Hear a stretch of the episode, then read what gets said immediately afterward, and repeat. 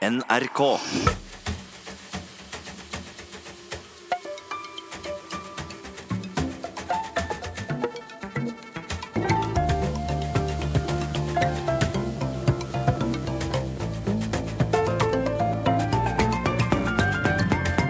Du lytter til Tore Sagens podkast. Jeg setter veldig pris på det. Uh, hyggelig at du benytter deg av dette lisensfinansierte produktet fra NRK. TV-serien Skam var rimelig sensasjonelle greier. Litt ut av det blå så rulla NRK ut en splitter ny dramaserie for unge. Nyskapende ikke bare i innhold, men også i form. Klipp på Snap her, ei lita SMS der, en kommentar på Instagram her. Og i slutten av uka så kunne man da se en sammenstilling av det hele i en mer tradisjonell form. Det antok globale proporsjoner, eller dimensjoner, eller hva det heter. Og det har blitt laget egne utgaver av Skam i flere land, annet i USA.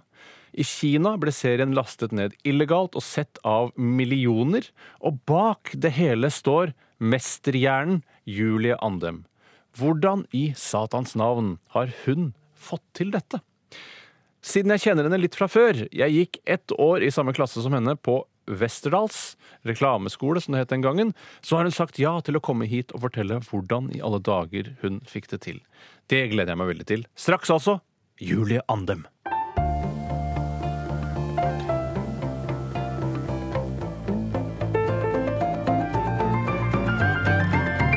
Dagens gjest har vunnet bøttevis med priser i huet og ræva. eh, Men i hennes tilfelle så kommer prisene helt i skyggen av det hun har laget. rett og slett. For hun har laget et drama for norske tenåringsjenter, men endte med å lage en verdenssensasjon. Og det høres jo nesten ut som en parodi på en introduksjon. Hun elsker wienerpølser og Pepsi Max og har sånn sett beina godt planta på jorda. Min gjest i dag er Hovseters store datter, skaperen av fenomenet Skam, Julie Anette Rovelstad Andem. Wow. Ganske bra research. Det var, og bra research og nydelig introduksjon, da. Tusen takk. Det var jo Det var imponerende. Takk skal du Jeg ha. ble imponert over meg sjæl, jeg. Ja, og jeg blir imponert over meg sjæl sjøl. og jeg blir imponert av deg, eh, Julie Anette Rovelstad Andem. Det holder med Julie Andem. Ja, for det, du, du, det, Er det noen som har fortalt deg at jeg ikke elsker de mellomnavnene? Akkurat det er det ingen som har fortalt meg, faktisk. Så sånn, hvis jeg hadde visst det, så hadde jeg kanskje utelatt det. Men det står på Wikipedia, og da, da er det på en måte offentlig informasjon. Jeg er nødt til å bare ta det med. Ja. Folk visste sannsynligvis ikke. Du vet at uh, Anette det Eneste grunnen til at jeg heter det, er fordi at uh, farmoren min syntes at Julie var så stygt, så hun begynte å gråte når hun hørte at jeg skulle hete Julie. Oh, ja. Så da måtte foreldrene mine legge inn Så de har bare slått inn en blei, rett og slett, for ja, å for å gjøre farmor glad. Og så var det en eller annen sånn skrivefeil. Det var noen som, så det er jo ikke Anette, det er jo Annette med to n-er. Er det sant? Så egentlig, du kunne på en måte Du heter også Annette Rovelstad. Ja, det er det. Ja. Men er det liksom eh, Er det sånn eh, en slags jord, noen sånn jording man drev med på Hovseter? For det, det er jo på vestkanten, men det er en slags enklave, en østkantenklave? Ja, jeg, ja, det, ja, det kan godt hende. Altså. Det er, det er liksom det, jeg hadde en sjef en gang som pleide å si at hun følte at, at Julie Andem ikke passet til meg fordi jeg var for harry.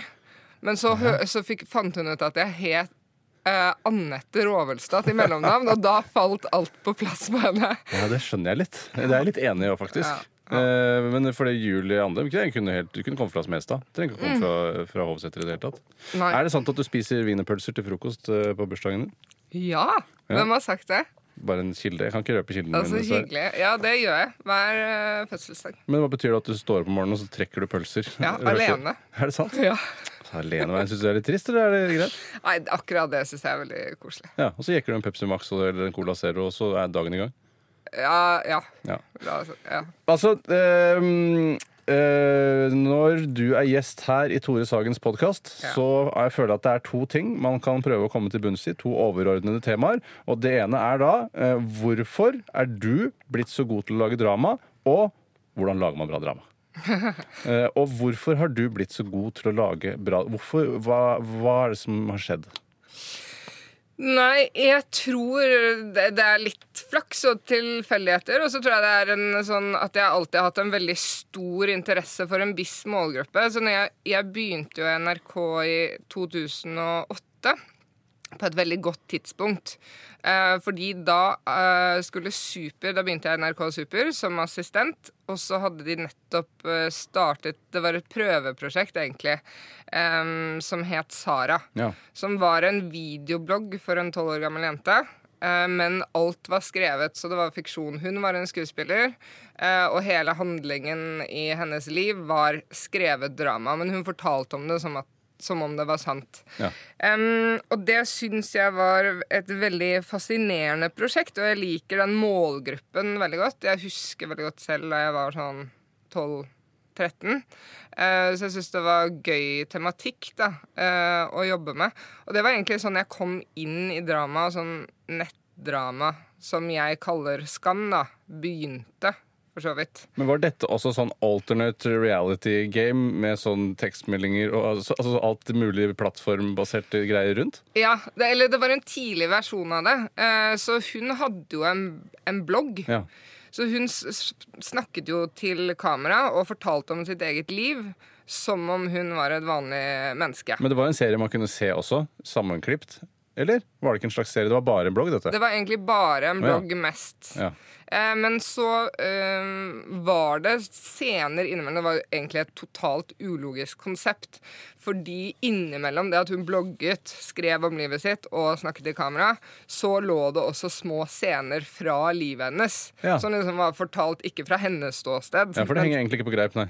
Men det bryr ikke heldigvis 10-12 år gamle jenter seg om. Nei, de bare, nei, de bare de, Eller det var noen som prøvde seg noen gang, husker jeg. Var noen kommentarer som var sånn Men unnskyld meg, hvordan Hvorfor visste Altså, de, de liksom De skjønner det litt, men Ja. de klarer ikke å ta deg på det, og da bare kan du kjøre på. riktig at du sa unnskyld også, for det sier de også. Unnskyld meg. Dette er ikke riktig.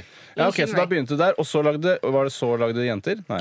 Ja. Nei, så lagde vi et konsept som het Mia, som Ja, ja. også var um, i samme ånd. Der drev de også blogga og snakket til kamera, og så kom jenter, og der slutta vi med det der at de snakka til kamera. Ja. Og så begynte vi med med tekstmeldinger. Hva gjorde du der? Var du, var du assistent der også? Nei, der hadde jeg manus og regi. Oi, Så jeg jeg hadde liksom jobbet meg opp da i løpet av disse Ja. årene. Så da du kom Altså, det var alt var Det er mange ting som var på plass for at det skulle ende opp med Skam som en stor suksess. Ja. Fordi det begynte med akkurat når du kom inn, så, så du har vært med på dette helt fra starten av. Ja. Så egentlig så er det jo det å det å være med å utvikle det over Det er jo en tiårsperiode, Ja. eller i hvert fall åtte år, da da vi begynte med Skam. Um, fordi det var jo ingen andre som gjorde det på den måten. Så vi har liksom på en måte tråkket løypa litt i forhold til denne formen for historiefortelling og prøvd å forstå hvordan det funker, og hva som ikke funker. da. Og Ja. det har vi hatt ganske god tid på. Så Ja. ofte får jeg det spørsmålet som hvordan kom du på ideen til Skam? Men det er jo ikke en idé jeg kom på over natten. Det er jo noe som har vært utviklet over lang tid. Ja. Ja, um, så sånn har jeg blitt god til drama, tror jeg, ved å bare jobbe med det så lenge, og også prøve å knekke den koden hele tiden for hva er det som gjør at seerne blir ordentlig hooka. Men, men det er greit at du kom inn og hadde flaks, men du, det å lage bra drama er ikke bare å komme inn og være heldig sånn sett. Hvor, er du interessert i det? Er du, er du teorinerd? Altså, vi gikk jo på Westerdal sammen. Ja. Westerdal School of Communication, som det het den gangen. Så vi kan litt om det å kommunisere. Ja. eh, og da eh, kan ikke jeg huske at du var noe sånn der, Jeg er veldig opptatt av dramateori og hvordan eh, karakterer spiller. Altså, det var ikke noe sånt da? Nei. Eh, nei, det var for så vidt ikke det. Vi, jeg var vel kanskje opptatt av historiefortelling. Ja. Jeg vet ikke. En ting jeg husker veldig godt fra Westerdal, som jeg har hatt med meg hele tiden, er jo eh, de der lærerne som alltid sa Men hva vil du si? Ja. De var alltid Husk- veldig negative. sånn, ja. Men man bare, ja, men Den kule reklamekampanjen er bare en ape som eh, går på ski. Så bare, ja, Hva har det med bind å gjøre? Ja. Og spesielt sånn Hva er det du prøver å si? Hva vil du si? Hva Ja. forteller denne historien her om hva, hva er det du skal fortelle? Og den tror jeg de Om de ikke klarte å gi meg noe annet, så klarte de i hvert fall å prente inn den setningen. Ja. Eh, noe som, eh, som faktisk er en kjempefordel fordi det gjør deg veldig fokusert, egentlig, alt det du lager. Hvis du har skrevet en scene eller blir, Og alltid vet hva du skal si med det konkrete ja. Et eller annet, så, så er min erfaring at det blir fokusert. Jøss, yes, så til tross for at de ranet deg for tusenvis av kroner, så fikk du faktisk noe godt ut av det også? Ja, det, Fikk du erstatningspenger i ettertid? Ja, jeg, ja, jeg gjorde det. Gjorde ikke du det? Nei, for jeg gikk jo der bare i ett år. Hæ? Og så uh, tok jeg noen permisjon og skulle egentlig komme tilbake, men så ble aldri det noe av. Ja. Og så kom det jo sånne mailer fra tidligere elever når dette søksmålet mot uh, Løvenskiold-familien skulle starte. Ja. Og så tenkte jeg jeg kaster meg på det. Ja. Eh, og så var det ah, nå starter vi søksmål også. Å, jeg, jeg kaster meg på det, jeg. Ja. Og så kom liksom oppgjøret, og da viste det seg at eh, OK, det, vi vant. Alle får igjen pengene sine. Bortsett fra de som bare gikk det første året. De får ingenting, for det er foreldet. Så jeg, jeg vant, eh, og sånn sett var det deilig å få seieren, men det var ikke en økonomisk gevinst. sånn sett. Men jeg husker Nei. at jeg syntes det var fryktelig dyrt. Ja, det var jo det. Jeg var jo med på det søksmålet bare fordi jeg ikke hadde tid til å finne noen papirer jeg trengte hvis jeg ikke skulle være med på Ja, søksmålet. du, du kunne ikke ta eh, forlik fordi du mangla noe ark? Jeg mangla noe ark, og så var jeg midt i siste sesong av Skam, så det, jeg hadde ikke tid til å liksom Nei. Det ble det, Ja. Men Ville du gått på Westerdals en gang til nå? Hvis du hadde hatt muligheten? Altså i samme alder? sånne ting? Altså, jeg elska jo de tre årene på Westerdals. Ja. Jeg syns det var kjempegøy. Um, og så vet jeg ikke om Westerdals er den samme skolen i dag. Den har jo forandret seg veldig mye. Men jeg husker jo de tre årene som en eneste sånn stor lang revy. Fordi vi hadde jo så mange i klassen som var veldig opptatt av å stå på en scene. Så det var aldri Hver fredag så var det jo presentasjon av det prosjektet man hadde jobbet med. Og Ja. da husker jeg at eh, det var det gøyeste som fantes. Alle Det var ingen som egentlig hadde noe god idé på uh, reklamekampanje, og det spilte ingen rolle. Det var ikke det det handla om. Det handla om å ha det beste showet ja, det det det den fredagen. Og jeg husker at det også var, jeg mener at det, var litt sånn blant andre folk som hadde, liksom, som hadde mer sånn avrundet caps og var sånn reklame, ville bli reklamenerd, så var den, den klassen vår var litt sånn uglesett. Skal ikke Ja. være så jævla show, skal ikke vise deg fram. Ja, ja. Sitte i bakgrunnen og skrive tekster og finne på å være doldis. Ja, det er sant. For det var eh, Jeg kan ta det, da. Det var eh, Odd Magnus Williamson, Annike-klassen. Ja. Siri Kristiansen. Ja. Eh? Henrik Thodesen. Ja, det stemmer. Else Kåss Furuseth. Ja. Eh, og så gikk jo Jono El Grande der. ja, det stemmer. Han var også veldig kjent en periode. Ja, uh, Som var, nye vinen. stemmer det. Han var litt for gammel, var ikke det? Nei, ingen var for gamle. Det var nei. det. Det var blanda med folk og Men jo det, Men han hadde altså, flosshatt og, Ja, ja. og dress og vest. Og. Det, det, det gikk litt sånn utenfor, og så snublet han hele tiden som et sånn komisk element. Gjorde han ikke det? Jo. Ja, Snublet i sine egne bein. og så var det en gang at han hadde med seg At det var sånn Ja, jeg kjenner en fyr som elsker å være naken. Og så tok han med seg han, så gikk han naken rundt en hel dag på Vesterålen. Husker du han naken? Nei, nei. Med et eller annet form for prosjekt, og under denne presentasjonen på fredager så hadde han bare med seg en naken fyr. Ganske, med noen tjukkpenisaktig altså sånn, Men han var jo stolt av kroppen sin, så han var ikke men en kry naken fyr. Det Deilige tider. Nei, Det det husker jeg ikke. Herregud, for en tid. Ja. Så da, eh, ok, så det, det, Westerdals det ga deg faktisk noe. Ja. Og så øh, Men øh, Og du var ikke så teoriopptatt, men du var opptatt av å finne ut av hva, det, hva skal dette være. Hva er det du prøver å si? Det har du tatt med fra Westerdals. Ja. Og så øh, Nå nærmer vi oss Skam, da. ja. Ja. Og så har jeg blitt Jeg må jo si det, at det er jo ikke helt sant at jeg ikke er noe teoriopptatt. For i det Da jeg begynte å på en måte skrive selv Jeg begynte jo litt å skrive eh, under Mia.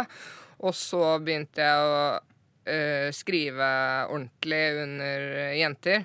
Og da blir det jo Jeg har jo Hvis du aldri har gått på manusskole, eller aldri lært drama, så tenker du jo Og det tror jeg det, det tenker jeg fortsatt i dag, at jeg egentlig ikke kan skrive manus. Nei. At det er litt flaks. At det er liksom Hva mener du det? Nei, jeg tror ikke jeg tenker at det er flaks, men eh, det er kanskje å overdrive litt. Men, men jeg tenker jo at liksom Jeg har dyp respekt for alle de som liksom har gått på Lillehammer, eller som har en manusutdannelse. Ja. På en eller annen måte. Ja, for jeg har, også sett For jeg kikka i den uh, Skam råmanusboka Ja, di. ja. Og der ser man at det, når du skriver sånn rent teknisk, så ser det ut som du skriver en skolerevysketsj. At det er bare Per sier, kolon. Det er ikke den kule sånn sceneanvisning, eksteriør, ditten og datten her. Det er bare Per sier, jeg er lei meg. Hei, jeg, jeg, jeg elsker deg. Isak sier, jeg er homo. Uh, og det syns jeg er litt søtt. Ja.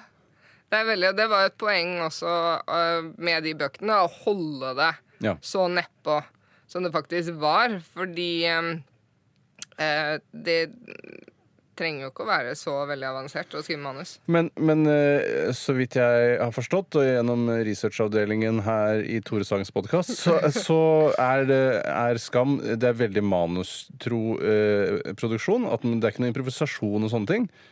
Jo, det er det jo er det? litt. Ja, det er litt Dårlig research i Tore. Sagens podkast. Ja, det må jeg si. Nei, men det er veldig varierende fra scene til scene. Det er jo noen eh, scener hvor det er en del improvisasjon, og så er det noen scener hvor det ikke er det overhodet. Ja. Og så varierer det litt fra skuespiller til skuespiller. Noen av skuespillerne i Skam som elsket å improvisere og var veldig gode til det, og så var det Ja. andre som helst likte å holde seg til manus. Han med den dårlige huden i homosesong, han, han var flink til å improvisere. Innbiller jeg meg? Eller David. han- Ja. han er fantastisk. Ja, han er. Altså, helt For en morsom type. Han er så morsom. Han er fantastisk. Men eh, er det ikke når du, når du har skrevet manus, eh, i hvert fall de gangene jeg har prøvd å skrive manus for en sketsj eller noe, så er det sånn Å ja, det ble ikke kulere enn det her. For i manuset, når du først skal lage sånn Åh Blir det alltid så fint som du har sett for deg? Her skjønner du hva jeg mener? Nei. Jo, det ble, ja, det er sånn, Oi, dette her skulle egentlig være ganske sånn høytempo-greier, men så ble det litt sånn slapt, hele greia. Selv om manuset er for, Du syns fortsatt Ja, men er da bra? gir du deg. Oh, ja. Eller nei, jeg spør deg. ja. Kanskje jeg har gitt opp for fort? Ja, det høres jo sånn ut hvis du ikke er fornøyd med det. Ja, kanskje jeg har det. Ja. Ja, men jeg synes også ofte Når man sitter og skriver manus, så er det en veldig teoritung konsentrasjonsoppgave. Ja. Og man må hele tiden sitte og visualisere hvordan det skal se ut. Ja. Eh, men på et tidspunkt så er det bare sånn der Æ, det virker bra. Man, at man, man Ja. mister konsentrasjonen litt. Ja, det ehm, Det gjør jeg ikke. Nei, Det er åpenbart at du er bedre s- skodd for denne prosessen enn det jeg er. Ja, jeg, må, jeg kan fordi jeg, også fordi jeg skal ha regi på det selv. Ja. Og jeg skal klippe den med det selv. Og så um, Så er det jo sånn at jeg kan ikke Jeg klarer ikke å slutte å skrive før jeg har sett det helt for meg. Nei. Fordi da vet jeg ikke hva jeg skal gjøre på opptak. Nei, nettopp. Så du er ganske flink sånn sett. da Du er en flink pike. Ja, gjerne kalle det det. Ja, er en flink person, da, som heter Ja, ja. i dag. Men ok, så da, du, har, du har alt klart for deg før det går i produksjon. Hvordan fungerer denne produksjonen igjen? Ja. Hvor det, det ligger ikke så veldig langt i, foran eh, publisering? Eh, nei, det ligger ikke så langt foran publisering. I, i um, Skam i Norge så lå vi vel um, toppen fire uker Ja. foran publisering. Fire uker, det er jo helt sinnssykt. Ja. Blir du ikke superstressa av det? Jo, jeg har fått en ganske høy eh, eh, sånn stressterskel, tror Ja. jeg. Fordi det som eh, det skjer, er jo at jeg sitter, og så um, eh, Altså, i de verste tilfellene i Skam så hadde jeg manuset klart en time før vi skulle på opptak. Øh, Jeg jeg er kvalm av å tenke på det. Ja, man blir sliten av det. Ehm, så det var først i sesong fire, da. Så Ja. du kan si at liksom det, At uh, det ble mer og mer press og stress fra sesong til sesong. Fordi da vi starta med sesong én, så hadde jeg faktisk fem manus klar før vi gikk på en måte i produksjon. Ja. Men i sesong to så hadde jeg ikke det. Um, så jeg hadde noen sånne Jeg hadde blant annet en sånn Jeg husker første gang jeg hadde sånn ordentlig manusangst. Ordentlig sånn krise. Det var da jeg skulle skrive episode seks og syv i sesong to. Ja. For da hadde vi hatt en sånn Da hadde eh, episode én kommet ut, eh, og vi hadde hatt en eh, Vi hadde hatt en en fest, en premierefest med redaksjonen. Mm. Dette var på en fredag. Jeg skulle ha seks og syv ferdig på mandag senest, fordi vi skulle ha opptak på fredagen etter. Ja. Um, og så våkner jeg da på lørdag, litt sånn fyllesyk. Uh, og jeg har, hatt, jeg har også hatt vannlekkasje i leiligheten min, uh, sånn at hele leiligheten min står på hodet. Og jeg er ikke ferdig med episode seks ennå, og jeg skal ha seks og syv ferdig til mandag. For, Altså, dette er, det, det- hvordan nærmer det seg Det piker også i William og Nora på dette tidspunktet, eller? ja, Ja. Dette, er rett etter, uh, dette er jo rett etter første kyss. Ja. Det er jo Så um, jeg våkner da, sikkert sånn i halv tolv-tiden, og tenker sånn Hvordan skal jeg få til dette? Sjekker mobilen, masse meldinger. Ja. Og så har det kommet anmeldelse, og det er terningkast seks. Oh. Og jeg tenker sånn Eller. Dere kan meg Dere kan ikke gi meg terningkast seks. Jeg har jo ikke skrevet, jeg har ikke skrevet seks og syv ennå. Ja, hva, hva, er det, hva er det de ga terningkast seks for? da? For hele sesongen, liksom? Eller Ja, det var egentlig bare Skam som fenomen, tror jeg. Det var sånn eh, Det var, en av, det var den første anmeldelsen Skam fikk. Ja. Så det var sånn Dette er eh, Ja, altså det var ordentlig sånn Og så var det av sesong én, men også de første. Altså Det var hele Skam som fenomen, da. Veldig på trygg grunn som anmelder triller terningkast seks for Skam som fenomen i slutten av sesong to. Ja, nei, det, ja, det er jo bare første episode av sesong to som har kommet ut. Ja, ja, ja, nettopp, selvfølgelig, så så det har bare vært premieren på sesong to. Ja. Og jeg sitter midt i sesongen og vet ikke om Og er liksom i en sånn mørk, mørk dal. Ja. Og hele leiligheten min er snudd på hodet, og jeg må ha to manus ferdig til mandag. Ja. Og så kommer den der terningkast seks, som jeg tenker sånn det, det, Da må jeg leve opp til seks, da. Ja. Eh, Altså, hva Hei, Men Hva slags vannlekkasje var det det var? Nei, Eller var det sånn at du kunne leve- kunne skrive- var det nei, drypping nei, mens du skrev, Det var liksom? det. Så det jeg gjorde, var Med den lille NRK-lønna mi, var at jeg booket en stor suite på Plaza Hotel. Herregud, for et eventyr det, det hele er. Og så Ikke si at det er den suiten hvor de to guttene Nei, det er ikke det, men det var faktisk der jeg fikk en Plaza i det scenet. Men, eh, men jeg booker en suite, låser meg inn, skrur av mobilen og alt, og tenker sånn For da har jeg på en måte Da har jeg, da har jeg liksom da er det enda større stake igjen. Da har jeg lagt penger i det også. Personlige midler i det. Ja. Du brukte 1700 kroner på et rom, liksom? Ja, litt mer enn det. Å ja, ok. det var skikkelig fine greier. Var høyt oppe. Ja, det var liksom Jeg måtte dra på litt. For å liksom um, Og da stengte jeg meg inne der, Ja. og så skrev jeg. Fytti Og så var jeg ferdig med episode 6 og 7 mandag klokken tolv. Å, fy fader. For en gøyal historie. Hvordan gikk det med vannlekkasjen? Fikk du liksom satt det vekk? Jeg Helt seriøst, jeg, Jeg orker ikke å snakke om det vanlige, Du kanskje. Fordi jeg får det, er liksom, jeg så, det, altså, Vi kan ikke snakke om det. Nei, men du føler kanskje at det var en slags driver der også? En liten sånn, en liten sånn stakk deg i siden som fikk deg til å Ja, det var den vanlige Karsten var mørk. Ja. Mørk. Jeg skal ikke, jeg skal ikke hylle den vannlekkasjen. som- Ikke gjør det. Det. Nei, ok, Så, uh, så det, du har, det har vært ganske mye pes og stress. Men er det, hvorfor er det så viktig at det lages så lang tid, eller så kort tid i forveien? da? Um, det er jo fordi det er et eh, det vi kaller et sanntidsdrama. Så det betyr jo at um, Altså, når Når um, når det er jul her, så er det jul i serien. Det, det må jeg bare si, for jeg, jeg, i en del av researchen til dette, denne podkasten, så så jeg du og hun eh, Magnus Mari Magnus. Ja. Mari Magnus har foredrag i Argentina. ja. Og da synes jeg det var så gøy Akkurat når du, når du snakket om dette med sanntid, så synes jeg det er så gøy at du bruker denne Når det er jul der, eh, når det er jul her, så er det også jul der. For det tenker jeg sånn ja, Akkurat det har vi fått til mange ganger i TV-historien. Ja, når det er jul hos hovmesteren og grevinnen, så er det jul her også. Så akkurat det er ikke så utrolig. Nei, det er sant. Men jeg er i at det er fredag klokka ti, ja, så er det, det synes jeg Fredag klokken ti. Og hvis det er, en, hvis det er halloween, da. Det er, kanskje, det er jo en konkret dag. Jo, jo, men det er lille julaften også. på en måte.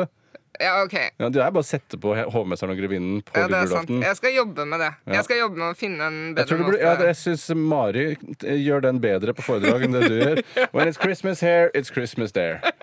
Og det er dessverre ikke noe reaksjonsbilde fra salen akkurat når vi sier det heller. Nei. Nei, men men, det er- men- hvis det Men, men eh, det, altså, de scenene droppes jo når de skjer i karakterenes liv. Ja. Um, også i Norge så har vi jo veldig sterke årstider. Mm. Så det er jo et poeng at vi kan f.eks. ikke skyte en scene som skal ut i desember i um, oktober, Nei, det er for sant. Det er sant. Så det er jo sånne type ting å forholde seg til. Og så er det jo også det at um, At uh, nettdrama Jeg tenker jo nesten på det som mer enn et event når det foregår. Du kan jo se Skam som klassisk drama, eller så kan du følge det dag for dag. Og da Ja. er det jo liksom mer et event som går i en sesong, og da er jo eh, det at seerne og fansen er med, er veldig viktig. Ja. Så det å liksom forholde seg til deres feedback under, underveis er jo um, noe vi gjør. Men, eh, ja, for det har jeg også fått med Jeg, jeg, jeg blir veldig forvirra av det, men dere har kanskje en god arbeidsmetode på det. Men det der at ja, OK, vi lagde et manus der. Det er for, for en måned siden. Så har vi spilt inn der, og så skal i Instagram-kontoen til han så skal han blunke til henne, og man skal så vidt få det med seg. Var det, eh, har dere en god arbeidsstruktur på hvordan dette her gjøres? Ja, det syns jeg. Jeg skriver manusene Mm. sånn som jeg ser det for meg, og da skriver jeg det liksom Og da når Det så du vel på Da får de redaksjonen motta hvilken dag den scenen skal ut. Ok? Um, og så setter Mari seg ned, og så ser hun på den uka som helhet. Og så ser hun sånn Hva er det Er det noen ting her som det går an å på en måte male ut? Er det noen historietråder som vi kan fordype i? Enten på liksom chat eller på Instagram, eller er det noe vi vil se mer av? Er det en fest? Da må vi ha bilder derfra. Så, Ja. så, sånn jobber vi egentlig. Men da er det plutselig eh, Ja, for du har skrevet manus, så du skal ta bilder og sånn, så gjør man det på opptak, da. Mm.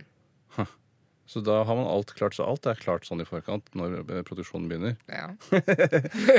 Jeg, altså, jeg, jeg, eh, eh, må bare unnskylde meg, men jeg har sett Skam som en vanlig sånn binge, Ja. som en serie. Ja, ja. Jeg, for jeg, eh, for uh, kona mi, Mm. eller madammen, som jeg begynte å kalle det, for jeg syns det er flaut å si kone, hun har Men du, men du syns ikke det er flaut å si madammen? Jo, men det er bedre enn kone.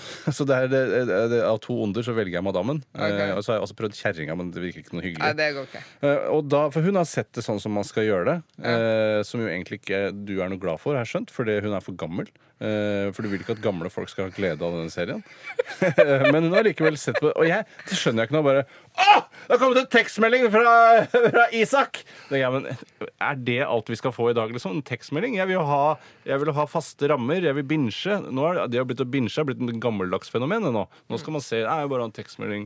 Det var ikke sånn når man så på Sopranos. Nå har det kommet en tekstmelding fra Christopher Moltisanti. Men det er det eneste som kommer i dag. Ja. Men eh, var det da det det- Bare beklager researchavdelingen i Tore Sagens podkast.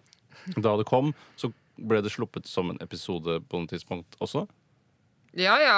Altså, I slutten av i, Når alt er ja, sammen, så er det fredag. Hver fredag var det. Ja. Oh, ja. Så en uke begynner jo på lørdager. Ja. Og så alle de klippene som kommer fra lørdag da fram til fredag. Og det, sånn bygges dramaturgien også, opp Ja. mot et høydepunkt eller et vendepunkt på fredagen. Ja.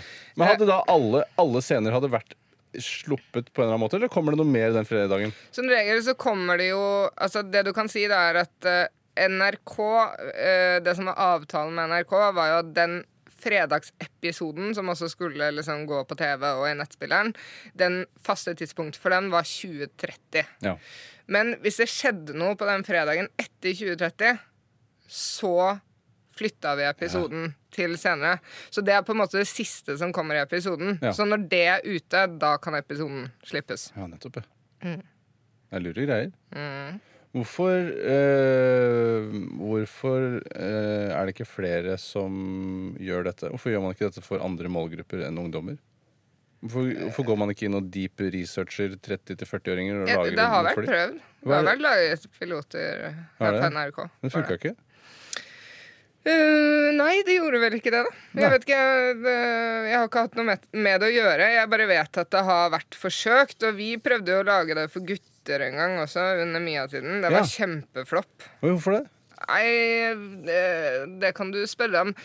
Kanskje man må være gutt for å lage det? Ja, men vi var, vi var gutt. Jeg var gutt. Ja, ok, det var det. Det var den tida du var gutt, det. Nei, men jeg gjorde det sammen med en gutt. Å ja. Så um, det var mest gutter i den redaksjonen. Men, men hva, jeg, skjønner, jeg kan ikke skjønne hvorfor ikke det skulle fungere. Kanskje ikke de er så tro hva, det mot ting? nei, vet du hva, det var eh, litt sånn at vi hadde litt lite midler og fikk produsert litt lite, og det var vanskelig. Men altså, å hooke 10-12 år gamle gutter er i utgangspunktet kjempevanskelig. Ja, kanskje det? Eh, Ja, det er veldig, veldig vanskelig målgruppe. Men Når du um, snakker om å hooke, så snakker du ikke om å hooke Nei, ikke Nei. Nei, nei, jeg skal ikke gå dit. Jeg, jeg er journalist. Ja. Uh, men um, altså, det er vanskelig å hooke. Det er det. sånn nerd. Det er du som har innført hookegreiene. Altså, skal hooke brukes til alt mulig nå. Ja. Eh, og så har jeg eh, den eneste lille kontroversen jeg har hørt å finne om Skam. Det er eh, Ulrik Eriksen og Asbjørn Slettemark som mener at de til, eller en av grunnene til at skuespillerne i Skam spiller så bra, er fordi de har vokst opp eh, med å se på Nei, hva var det sitatet her er, da? Skuespillerne skal levere foran kamera fordi de er ekstremt Nei, unnskyld, det er, du, det er det du som sier. Jo, de tilhører en generasjon hvor det å stå foran kamera er en mye mer integrert del av oppveksten, og at dette hever nivået på ungdomsskuespillere generelt, og i skuespillerne i Skam spesielt. Ja, Det er lenge siden. Ja, det er lenge siden. Ja. Men det er så, eh, for jeg tenker sånn Jøss, Asbjørn Slettemark og Ulrik Eriksen De er jo ganske smarte folk. Ja. De må jo skjønne at uh, alle som har sett på TV, ikke blir flinke skuespillere. Da kanskje Ja, det er det. det, det jeg skjønte ikke noe av det, og, og gud skal vite, jeg har jo hatt audition med Jeg kan bekrefte at uh, ikke alle i den generasjonen er gode skuespillere. Ja, for du har hatt sjukt mange inn på audition. Ja, vi hadde vel 1200 i første runde av sesong én, da. Og så Ja. har vi jo audition før Eller vi hadde audition før hver sesong. Ja. Så vi har sett, jeg føler jeg har sett veldig, veldig mange ungdom Ja. i den aldersgruppen. Og det hjelper ikke at de er mye foran kamera, nødvendigvis, på for- skuespilltalent. Det er litt avsporing, kanskje, men fordi hvis man tror det eh, For har, da, da tenker jeg sånn at det, kanskje ikke anmelderne har nok kunnskap om hvordan man lager drama til å kunne anmelde drama troverdig. Hvis du tror at man kan se på TV og bli flink skuespiller av det. At du ikke helt skjønner hva det er å være skuespiller da. Kan hende. Uten at jeg skal late som jeg Ja, er det vil ikke jeg gå inn i. Det Nei, det der tør ikke jeg gjøre. Um, er det også noe det har du snakket om litt tilbake til det hvorfor du har blitt så flink til å gjøre det. Er det ikke noe, også en sånn perfect match aldersmessig? At en, den som lager det, er liksom 30 år, tidlig 30 år, og de som er i, spiller i det, er liksom i slutten av tenårene? At det er en sånn perfect match, akkurat som en skolerevy? Hvorfor det? Ja, for da blir det så god kjemi mellom det. De blir liksom barna dine samtidig som det blir litt venner også. Ja, sånn, ja. Ja, eh, kanskje det. Men hvis jeg hadde vært i slutten av 20-årene eller begynnelsen av 40-årene, så hadde det vært annen dynamikk. Ja, kanskje slutten av 20-årene kan jeg bli med på, men begynnelsen av 40-årene kanskje litt for seint. Ja, kanskje. Da blir det litt sånn som NRK alltid har vært. At det er sånn, ja, en gammel Eva Isaksen kommer og skal prøve å lage en eh, barneserie, men, men så har hun ikke noen kontakt med eh, Altså, Hun klarer ikke å nette godt nok med de, for de har blitt liksom barna dine. Jeg ser sånn i sosiale medier så er det sånn I love, I love my little rackers in Skam. Du har fått et kjærlighetsforhold til de eh, aktørene. Ja, jeg er veldig glad i skuespillerne mine. Ja, Ja. Mer enn andre eh, dramaskapere, tror du?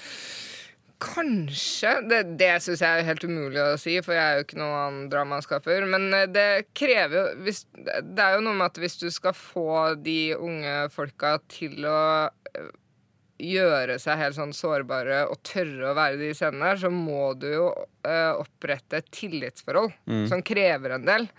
Um, og så må du jo mm, Ja, du må jo få de til å stole på deg, så da må du gi mye, og så må du ta mye. Og så er de jo rå upolerte som skuespillere, siden de er så unge. Ja. Er, er det en fordel? Ja, jeg syns det. Ja. Jeg blir jo jeg, Men altså, før jeg jobbet med de, så har jeg jobbet med barneskuespillere. Så jeg er jo vant til å jobbe med skuespillere som ikke er profesjonelle nødvendigvis. Da. Ja. Og jeg blir jo dritstressa med en gang en profesjonell skuespiller kommer inn på mitt sett. For Ja. jeg vet ikke helt hvordan jeg skal forholde meg, hvilket ansvar jeg skal ta overfor de. Ja, for det, det, det er jo Det har jeg tenkt på når man ser f.eks. norsk drama, da, og så tenker man sånn åh, nå nå er det litt sånn tilgjort igjen. Eh, og det er jo fordi at det er mer naturlig Du har en, det er mye mer naturlig autoritet, og de skuespillerne i Skam tenker sikkert også at det er mer naturlig å høre på Eller de har, eh, hva skal jeg si et annet forhold til deg som regissør enn det man har hvis man lager kodenavn Hunter. For hvis Anne Krigsvold kommer inn og skal være med i Skam i en episode, så, så tør ikke du å bryte ned, eh, henne ned til nivået med de 17-åringene som er med i Skam. Nei. For hun, man tenker at du er proffskuespiller, du kan Ja. jo bare ta regien. Ja. Har du prøvd å regissere etablerte skuespillere? Ja, nei, men jeg har prøvd å regissere liksom, ja, voksne Jo, jeg har for så vidt det. Um, nei, bryte ned er kanskje ikke riktig. Nei, det er ikke bryte ned. Det, det blir så hardt, men, men jeg tenker at uh, det som også er med de ungdomsskuespillerne, er jo at alle trenger forskjellige ting. ja. Eh, og eh, for å bli gode. Og sånn er det vel med de profesjonelle skuespillerne også. Og så tenker jeg at det alltid er veldig greit å skylde på manus. Hvis noe ikke Og det er som regel ganske sant også. Ja. Det er jo mye av mm, manus som ikke nødvendigvis sitter like godt når det kommer ut verbalt i en scene. ja. Um, så det er jo et utgangspunkt å alltid begynne å jobbe med, uavhengig av om de er uproffe eller proffe. Um, så kan man jo alltid si det. Dette, jeg tror vi må se på manuset. ja, for det tenkte jeg på da jeg så 22. juli-filmen til Paul Greengrass. Ja. Så tenkte jeg at, For jeg syns jo den var veldig bra. Ja. Uh, og så syns jeg at alle de skuespillerne man har sett uh, eh, liksom stotre seg gjennom norske dramaer før, storspilte. Plutselig. Ja. så da tenkte jeg at det kanskje ikke det har vært skuespillere. Man har alltid tenkt sånn her, er det, er det fjernsynsteatret som har gjort at norske skuespillere er så stive, eller at de er så mye på teatret eh, vanligvis og spiller TV av og til? Men eh, kanskje det bare er manus og klipp og regi? Ja, jeg tror det er en kombinasjon av alt sammen. Men de spilte så bra i den filmen. Har du Ja. sett den? Jeg har sett den. Syns du ikke de spilte så bra? Jo, jeg syns spillet var helt Jeg vokste veldig Jeg likte ikke den filmen så godt. Men, uh, men jeg eh, også syns jeg det var litt rart at de snakket engelsk, må jeg ærlig innrømme. Ja. Men, uh, men jo, jeg syns de, Jo, det syns jeg absolutt de Ja. gjorde. Men syns du det var rart når de somalske piratene i Captain Phillips snakket engelsk også? For det er jo det samme, på en måte. Ja. Eh, nei, det De fra Mogadishu som ser filmen, tenker sånn Er det litt kunstig at de kaperne snakker engelsk, eller? Men, men det må jo nesten bli sånn, så skjønner man ikke hva de sier. Ja, jeg skjønner det. Nei, jeg vet, det, jeg vet ikke. Nei. Det var ikke derfor jeg ikke syntes den var så bra. Altså. Var, Hvorfor syns du ikke den var så bra?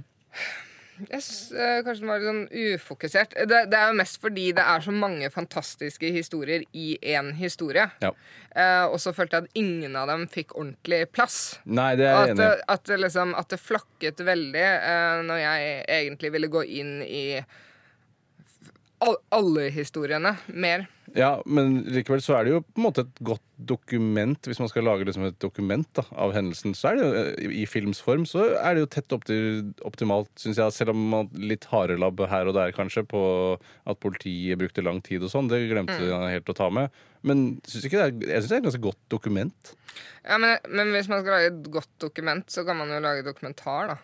Jo, men det syns ikke amerikanerne er noe gøy å se på. Nei, men, men ja, jeg vet ikke. Det kom jo Jeg gjorde jo faktisk mye mer inntrykk på meg, den uh, poppefilmen. Helt klart, men det var jo, eh, ja, den var jo ment å være litt sterk også. Ja.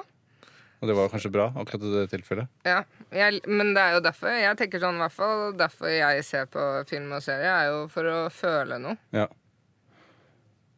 Er du lei av Skam nå?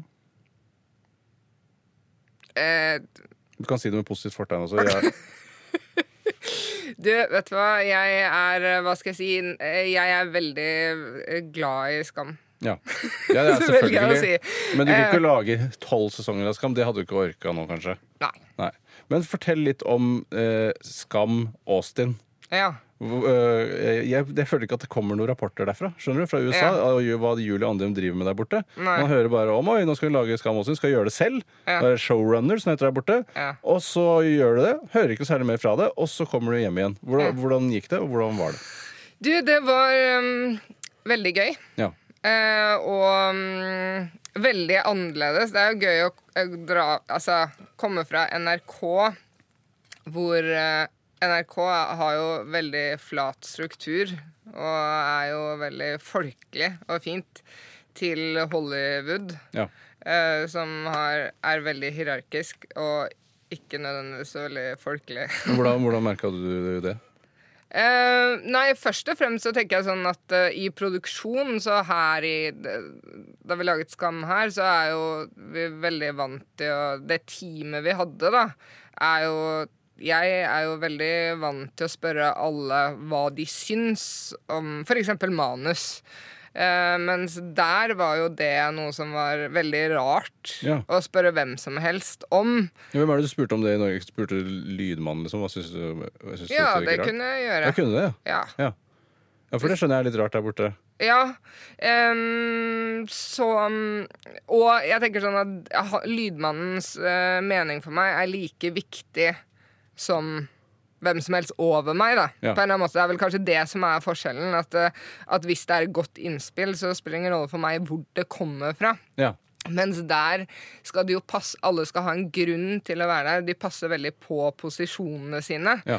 Så det er ofte sånn at eh, jeg får en sånn følelse noen ganger at ledere der skal mene noe bare for å mene noe, for å forsvare sin egen posisjon. Mm. Men sånn opplever jeg ikke at det er her, da. Her mener jeg at folk eh, mener noe hvis de virkelig mener det. Ja. På en måte. Ja, nettopp. Men hvordan var eh, Ta først, hvordan var liksom apparatet ditt i, i Norge eh, på sett? Så var det et lite, eh, lite team. Veldig lite team. Én kameramann, har jeg skjønt. En, han hater å bli kalt uh, kameramann. Hva er det man skal kalle det? da? Fotograf. Ja, ok, da. Jeg er en ganske folkelig fyr, da. Men det er ingen folk der ute sånn Ja, ah, fotografen er For man skjønner ikke at eh, i en gemene hop skjønner ikke at fotograf kan ta levende bilder. Nei, jeg skjønner. Jeg bare, det var bare for Daniel Maxday at jeg måtte legge inn det. Hva er det han, ja, han har møtt, han hater han det så mye? Han tåler ikke han det? da? Jo da, han tåler det. Det er vits. Men du hadde en fast, du hadde en fast eh, fotograf med deg? Jeg hadde med meg Daniel over, ja. Ja. Eh, men eh, ja, han filma han alt Skam i Norge? Nei, det gjorde han ikke. Han filma hele første sesong, og så halve andre, og så fjerde. Ja, okay. Så jeg hadde to andre fotografer eh, på Skam også. Men um, ja, da vi filma første sesong her, så var vi vel fire. Det var meg, og så var det fotografen, Ja. og så lydmannen. Eh, eller sound Nei da. Sound engineer? ja, nei, det bare fant jeg på. Sound designer, det er noe sånt. Det heter noe sånt. Ja. Um, og så var det en, to assistenter, kostyme og sminke, og så en liksom, produksjonsassistent. Ja. Um, Fordi dere ikke hadde penger, eller fordi du ville dette? Altså, Det var jo både fordi vi ikke hadde penger, og, men også fordi jeg ville det. Jeg var vant til å jobbe på den måten. Uh, og det er jo lager jo Jeg tenker for disse ungdomsskuespillerne som aldri har stått nødvendigvis foran et kamera før, så er det jo jo bedre de kjenner de rundt, og jo mindre det er, og jo tryggere blir det, og jo mer tør de, på en annen måte. Ja. Så, mens i Åsen så var det jo kanskje sånn ja, Noen ganger var det 100 stykker. Nei, er det sant? Ja, ja. 100 stykker! Ja, ja. Og de hadde, skuespillerne hadde trailere. Jeg, Altså, jeg kødder. Men de skuespillerne, hvor proffe var de, da? nei, de var ikke noe mm, Samme type audition-runde ja, som her? Ja, ganske likt. Men hva hva er det de hundre Altså, det var folk som eh, Cateringfolk og sånn, liksom? Ja, ja, altså, jeg vet ikke Best Boy, Grip, Ja, ja, ja, det greiene ja, ja. Jeg aner ikke hva de gjorde. Jeg, altså, det eneste jeg visste, var at uh, trenger ikke 100 folk for å lage Skam. Det, nei, altså, jeg, jeg, det, skal ikke, det skal du bestemme, men det hørtes jo fryktelig mye ut. Men da, men da, så da hadde du en ikke så morsaktig rolle på settet, da? Var du mer, satt du mer i en sånn stol? Sånn Nei jeg, hadde, jeg prøvde, nei, jeg prøvde å gjøre akkurat sånn som jeg har gjort før, og det var jo en vits, fordi eh, i Norge så liker jeg jo å ha løs monitor, Ja. sånn at jeg kan gå inn i scenen og sånn, og jeg blir veldig ofte sittende som en sånn liten klump Ja. på bakken og kikke ned i monitor. Jeg tror det finnes 100 bilder av meg hvor jeg sitter, liksom, man nesten ikke kan se meg. Ja. Og det fortsatte jeg jo med i USA, og det var det rareste de hadde sett ja, i hele Det er, hele det er en liv. huleboer som lager Ja. film, rett og slett. Og de bare 'Hvorfor sitter hun inne i scenen på bakken med liksom Ja, for det er ganske frika. Ja. Det er. Det syns de, det, det syns de var veldig rart. Ja. Men øh, så 100 stykker, men da var det jo altså, Da var det superglamorøst, da? Nei, ikke, nei, ikke Altså, det var jo bare veldig mye større, og så var det mye Ja, det var mye mer ressurser, da, Ja. enn i Norge. Og det er jo positive og negative ting ved det. Det positive er jo at um, at du kan jo få til mye mer. Eh, På siste opptak, eller siste av sesong én, så, så satt jeg der og skrev manus, og så prøvde jeg å finne ut av liksom, hvor avslutningsscenene skulle være. Og så er det en som sier det som er veldig vanlig i, i eh, USA og i Texas. Det var ikke en lydmann som kom med dette tipset? Nei, det var ikke det. men da, men uh, sa at det er veldig vanlig med tivoli. eh, At de drar på det da. Og så tenkte jeg sånn, ja, men nå er jeg fire dager for sent med levering av manus, for det var jeg også der, alltid. Um, og det er sikkert ikke noe Jeg begynte å google sånn, fins det noe tivolier i Åsen nå? I hvilke, hvilke sammenhenger var det var vanlig med tivoli i avslutningen av en serie? Nei, i, i skole. Når de er ferdige på skolen. Så du er det på tivoli? Ja, så er det sånn eh, Ja, sånn end of the year, Ja. eh, liksom. Sånn som for eksempel i Grease, da. Ja. ja, det er sant, det er tivoli, ja. Ja, eh, men, men også Men så Og så sier jeg til han lineproduseren Kan du finne ut om det er noe tivoli i Åsen? Så sier han sånn Nei, det tror jeg ikke det er, men vi, vi kan jo bare leie et tivoli. Ja, det kan man høre. Og så, så kommer jeg og Daniel, da min fotograf, på sett. Så har de satt opp et tivoli for oss. Som for oss er fullstendig sjokkerende. Da, Altså radiobiler og, og, Ja, ja, og sukkerspinnbod og sånn. Ja, ja. Alt, de hadde leid et tivoli, satt opp. Men, men hadde de Så det man gjør da, hvis du sier sånn uh, Maybe we should have a tivoli. Og så bare kommer det tivoli. For det er ikke med å Da, da lager de det selv. Ja, og så får jeg rapporter, da. Så er det sånn, sier jeg sånn Ja, får vi til tivoli? Så sier de sånn Ja, da er det kontroll på det. Får vi til. Ja. Og så visste jo ikke jeg at de hadde satt i gang å leie ned tivoli. Nei. Men uh, det hadde de gjort. Jøss. Men uh, bodde, hadde du egen trailer sjøl? Nei. Hvorfor ikke?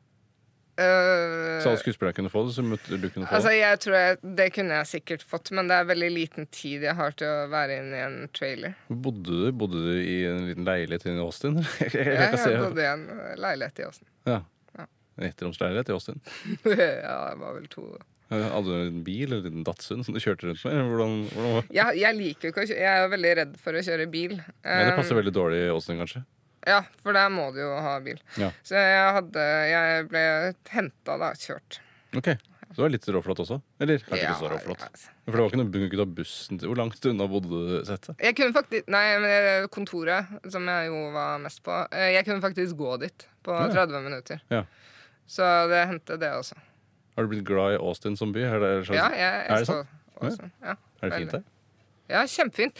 Det som er fint med Åsund, er jo at det er en eh, ganske sånn kreativ og liberal og demokratisk boble i en veldig konservativ stat. Hva Sier du det? Litt sånn som Hovseter? Ja, kanskje. Jeg vet ikke. Ja. Um, så, så Og det er jo musikkhovedstaden i USA, så det er veldig mye som det føles Føles bare som om det er vel ganske fritt og åpent og kreativt. Ja. Men er det du som valgte at det skulle være i Austin? Uh, ja, det var det for så vidt. Det var jeg som ønsket det. Ja. Og så var det jo folk over meg som sa det er OK.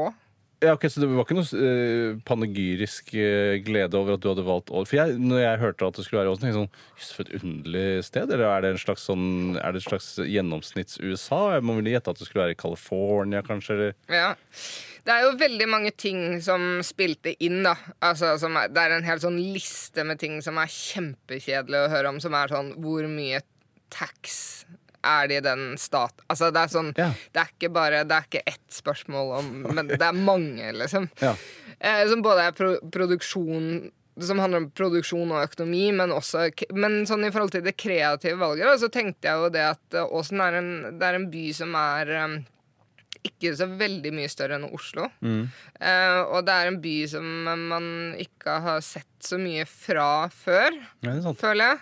Eh, at det kanskje var lett Og så er den veldig amerikansk på en måte også, for den ligger i den mest amerikanske staten som fins, føler jeg, som er Texas. Så den er en kombinasjon Det var kombinasjonen av alle de tingene som gjorde at jeg syntes det var en spennende by. da Ja. Nettopp, ja. Jeg lurer fortsatt på dette med uh, at man skal ha regi, og så skal det se troverdig ut. Hvorfor klarer du å få det til å se troverdig ut? Jeg eh, kanskje det er en eh, Men det er, altså, jeg mener, altså, sånn, eh, sånn som da eh, Min favorittsesong er jo homosesongen. Og da eh, tenker jeg at For det jeg vil anse det Det er et slags mesterverk, vil jeg si. Mm. Hyggelig, ja. Ja, det er ikke det hyggelig? Jo. Men jeg syns at de, de spiller Jeg skjønner jo at de selvfølgelig er håndplukket ut av mange, men de spiller jo helt utrolig bra. Eh, og det er så lite eh, og utsette på hele den sesongen. Eh, jeg, jeg klarer ikke helt å skjønne hvordan det er mulig å lage noe så bra. Ja. Uh, nei, jeg, jeg vet ikke helt hvordan jeg skal svare på det. Merker. Det er veldig hyggelig at du syns. Uh, ja, og så må jeg si at ja, som sagt, de er jo dritgode skuespillere. Og så er de trygge på hverandre. Ja. Og så har jeg jobbet masse med å få de trygge på meg og trygge på situasjonen. Um, og så er det et godt manus. Um, Men tar du, tar du mange tagninger, for eksempel? For jeg, jeg, man ser bare på små blikk. Det er så utrolig lite som skal til for å ødelegge det. Mm. Uh, tar du mange tagninger? jeg tar på noen ting tar jeg veldig mange tagninger. Hvor mange da? Eh, Jeg tror kanskje 15 er det meste jeg Det så i sesong 3, og det var bare at eh, Isak skulle komme inn en dør. Ja. Eh, og så det er sånne ting plutselig. Som Ja. bare, hvor det bare, hva er det? Hvor jeg, hvor jeg bare ser at måten han kom inn Det var da han skulle inn i den garderoben hvor Even eh, står og venter på han i garderoben. ja. Den tok vi 15 ganger. Ja. Eh, fordi jeg bare måten han kom inn døren på, stemte ikke med den stemningen jeg ville at han skulle ha. Nei. Og så klarte vi aldri å liksom Eller det tok tid for meg da å få han på samme side som meg. For det var Noen ganger så skjer jo det at det bare er en sånn Skuespilleren har en idé om om det, og så har jeg en idé om det, og så er veien unna hverandre ganske lang. Em, så, så det brukte vi veldig veldig mange tagninger på. Men det er jo ofte de små filletingene som må snu seg eller gå rundt og gjøre, som er vanskeligere å gjøre Ja, som skuespiller enn det å sette seg dypt inn i noe gråtescene Ja, ja. eller hva det måtte være. Ja, for det er jo spørsmålet eh, I eh, spørsmålet er jo hvorfor Eller hva er det du skal? Hvorfor går du inn i den scenen der? Og det, Der ligger det jo mye informasjon om hvordan man går inn, da. Som er sånne bitte små nyanser som er bare tempo eller hvordan man har henda, eller som For min del, jeg kan ikke se på han og si sånn Eller noen ganger kan jeg det, så kan jeg si sånn Jeg tror at du ville gått sånn og sånn fordi det og det. Men Ja. noen ganger så vet jeg ikke selv hva som ikke stemmer. Nei. Jeg bare ser at det ikke stemmer. Ja. Og, vi, og da er det ofte en lang vei å gå, for da må jeg prøve å analysere og forstå hvorfor. Og da må jeg ofte se det om igjen og om igjen, og om igjen, og inntil den koden knekkes, da, som er sånn Aha, det er jo fordi du liksom Ja, nettopp, Når du ser dit, så, så ser det ikke ut som du er fokusert på hva han tenker. Altså, det, det, det er sånne detaljer som det, da.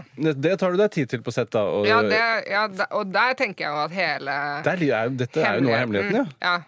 Også fordi, og det var jo liksom utgangspunktet Det var jo eh, det som var viktigst med Skam. Fordi da vi gjorde research til Skam, så, så hadde jo NRK ikke laget eh, noe for ungdom på 20 år. Ja. Um, så, og den sayingen som jeg alltid har hørt her på huset, er jo at de, den målgruppen er nesten umulig å nå. Eh, Så da vi skulle gjøre research, så spurte jeg mye om hva de så på. Og det de så på, var jo Breaking Bad og Game of Thrones, og det føles jo tilsynelatende umulig å konkurrere mot. Absolutt.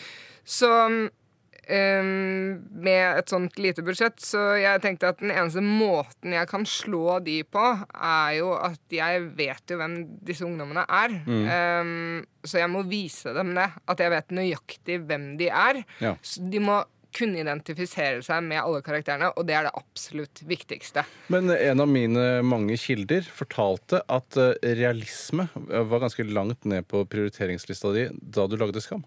Er det riktig? Du er ikke først og fremst opptatt av realisme? Eh, det Jeg var veldig. Jeg har alltid tenkt at Skam er en blanding av sitcom, såpeopera og sosialrealisme. Så Ja. det er én av tre pilarer, da. Ja. Eh, men det jeg syns er Jeg syns det er viktig at man tror på situasjonen. Eh, men når det er sagt, så er det jo ingen tenåringer i Norge som har livet til noen av disse karakterene. Nei, Og så er det nesten ingen tenåringer som kommer gående i sakte film eh, i en trupp på fire Nei. stykker heller. Nei. Det, så det er jo eh, nettopp Så det er ikke sosialrealismen i det. Nei, det er ikke sosialrealismen i det, men det er kanskje mange tenåringer som har følelsen at de noen ganger er så fete Ja. at det kunne vært en musikkvideo Ja. når de kommer gående. Akkurat det blir litt flau å tenke på. Her kommer jeg inn i skolegården på nesten år. Jeg bruker den You Can Leave Your Hat On når jeg går inn. Ja, det er bra. Ja, ok, Så du er um, Det er rett og slett ikke noe hemmelighet bak det. Du må bare være nøye. Uh, og opptatt av detaljer, og så blir det rett og slett bra drama. Det er Forutsetningene, til og med her i lille Norge, er der egentlig. Ja. Og så kan jeg jo legge til at jeg jo er veldig, veldig til stede i klippen.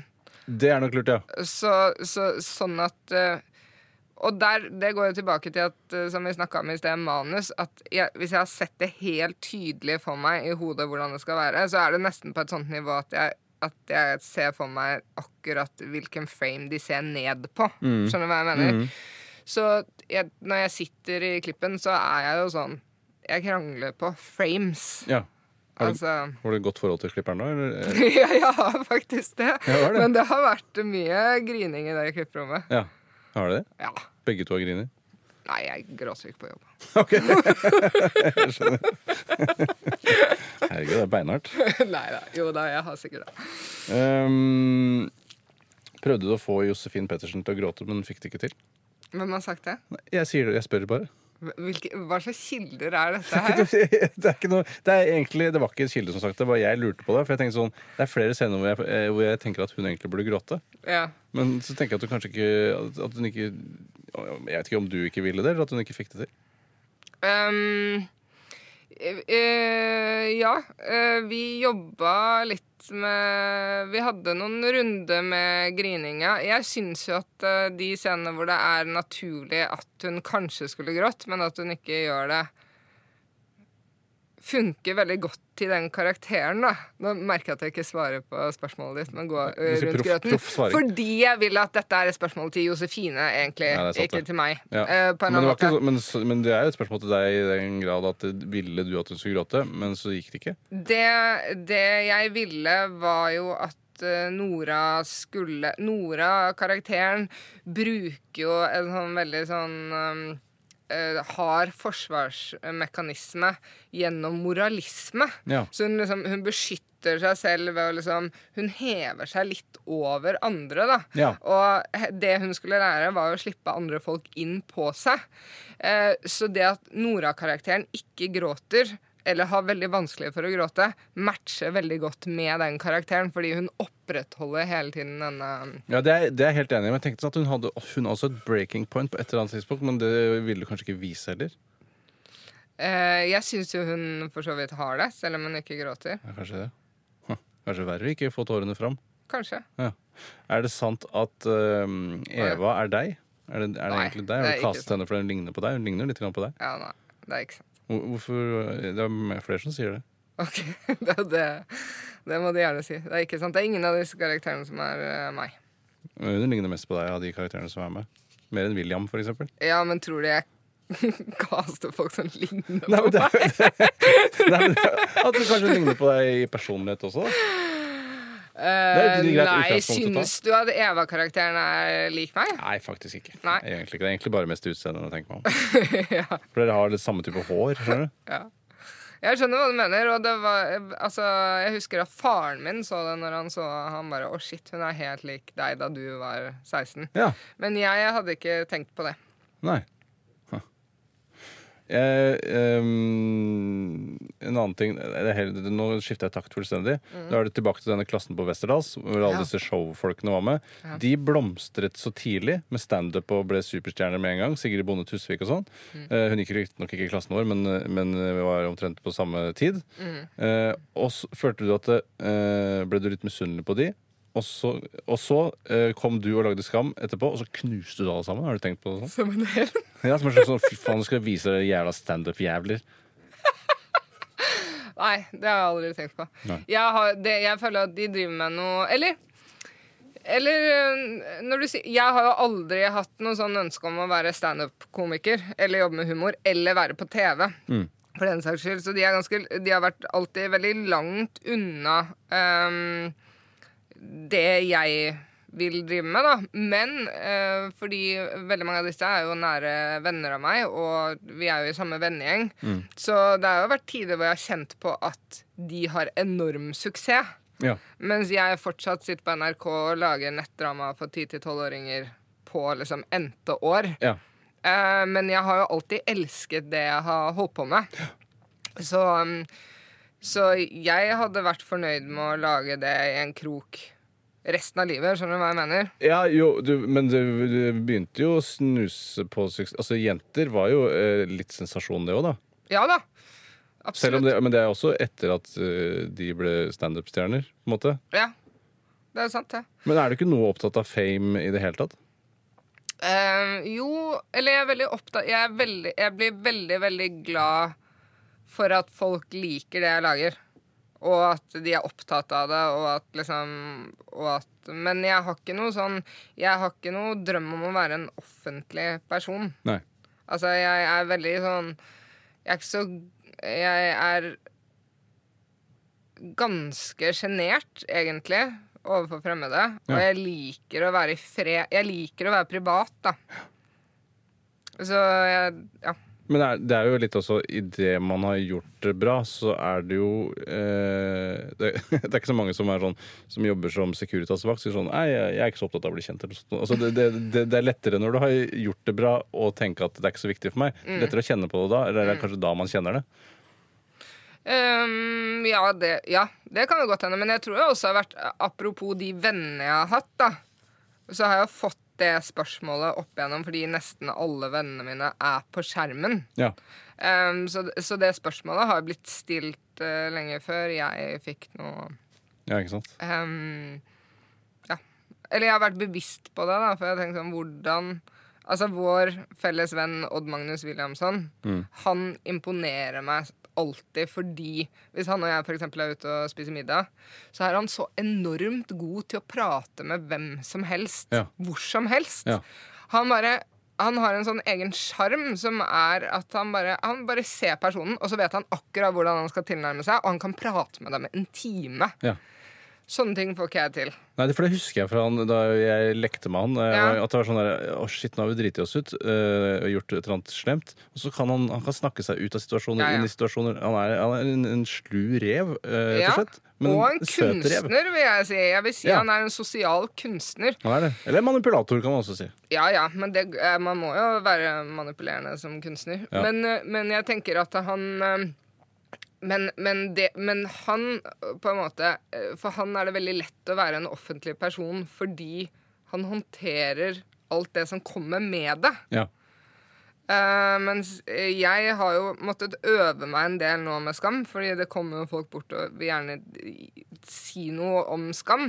Så, så jeg syns jeg har blitt mye bedre til å liksom Jeg vet hvordan jeg skal håndtere det nå, men det har tatt litt tid. ja. Og liksom Hvordan var det du var Hvordan var det du var når du ikke klarte det? Nei, vel, jeg blir veldig sånn ubekvem og dårlig på å ta imot komplimenter, så jeg virker jo nesten litt sånn sur og avvisende. Ja. Eh, som jeg jo på ingen måte er. Jeg er bare liksom litt redd, ja. tror jeg. Ja, men du har jo altså, i, i, Hvis du skal sammenligne deg med Odd Magnus, så har du jo på en måte ikke en sånn eh, Du har ikke åpne armer går rundt Nei, Han, han i eh, billedlig talt går rundt med åpne armer, Ja, ja. mens du går litt med armene i kors. ja. Ja. Eh, Men så har jeg lært det at eh, de som kommer bort, da, de har jo som regel veld, et veldig stort behov for å uttrykke eh, hvor viktig skam har vært for dem. Mm. Og så har jeg skjønt at jo fortere jeg tar imot det og setter pris på det, jo lettere blir det for dem å gå. Og liksom Ja. Ikke sant? Ja. Eh, fordi Du gjør det vanskelig for begge parter Ja. ved å være lukket og Ja, rar. ja. Så um, det har jeg rett og slett øvd ganske mye på. Har du det? Mm. Så tappert. Hva skal du lage nå framover? Hva, hva er det du skal drive med? Det kan jeg ikke snakke om. Kan du ikke det? Nei. Hva er det du har lyst til å drive med? um, jeg er jo veldig glad i historiefortelling. Ja. Det blir, jeg blir jo i den gata, jeg. det hadde jeg nesten regna med. Nei, nå du begynner som standup-komiker, jeg også. Ja. Nei, nettopp. Nei, men eh, ja, man kunne jo gjort noe helt annet òg. Ja. Men det, skal du gjøre noe helt annet? Uh, nei. Nei. Eller det vet jeg ikke. Okay. Har du noen tips til vordende filmskapere der ute? Hvordan man skal starte? Dette er egentlig en podkast for små barn som har lyst til å skal velge yrke i livet. skjønner. Ehm, nei. Ja, det, altså, nei. Eh, det blir liksom det samme som alle sier. Vær deg selv. Ja. Stå på. Vær deg selv 110 Nei, eh, men um, Nei, det er jo bare å jobbe hardt, Ja, det er det. Det er jo det. Det er jo sånn Det er med alt noe- man sier sånn Man tenker sånn ja, faen, jeg skulle bare funnet opp Hvis jeg hadde funnet opp uh, iPhone, så skulle jeg bare ah, det hadde vært så digg å bare funnet opp iPhone. Ja. så må man jobbe masse hardt for at folk skal kjøpe iPhone, du skal markedsføre iPhone, produsere. Det er dritvanskelig. Ja. Alt er dritvanskelig. Det er ikke noen sånn kjapp vei til noen ting. Nei. Bortsett fra flaks. Flaks uh, er bra å ha. Jobbe hardt. Og så er det jo sånn at uh, hvis jeg tenker sånn Hvis du liker din egen idé godt selv, så er det et veldig godt utgangspunkt. Mm. Ja. Hvis, du ikke, hvis du har en idé som tenker sånn Dette her tror jeg noen andre vil like, eller dette her passer perfekt for NRK fordi Altså, det er jo bra, det òg, men hvis du selv Jeg tror du liksom Du må kjenne ideen din i magen. Mm. Det, og like den selv. Da Det er jo et godt utgangspunkt. Det er veldig godt utgangspunkt. Julie, jeg har lyst til å si tusen takk for at du kom hit i Tore Sagens podkast. Takk for at jeg fikk komme. Ha det. Ha det. Syns det er vanskelig å si ta farvel? Litt. Nei, det skjønner jeg. Ha det bra. Ha det, ha det Tore. Takk for nå. Takk.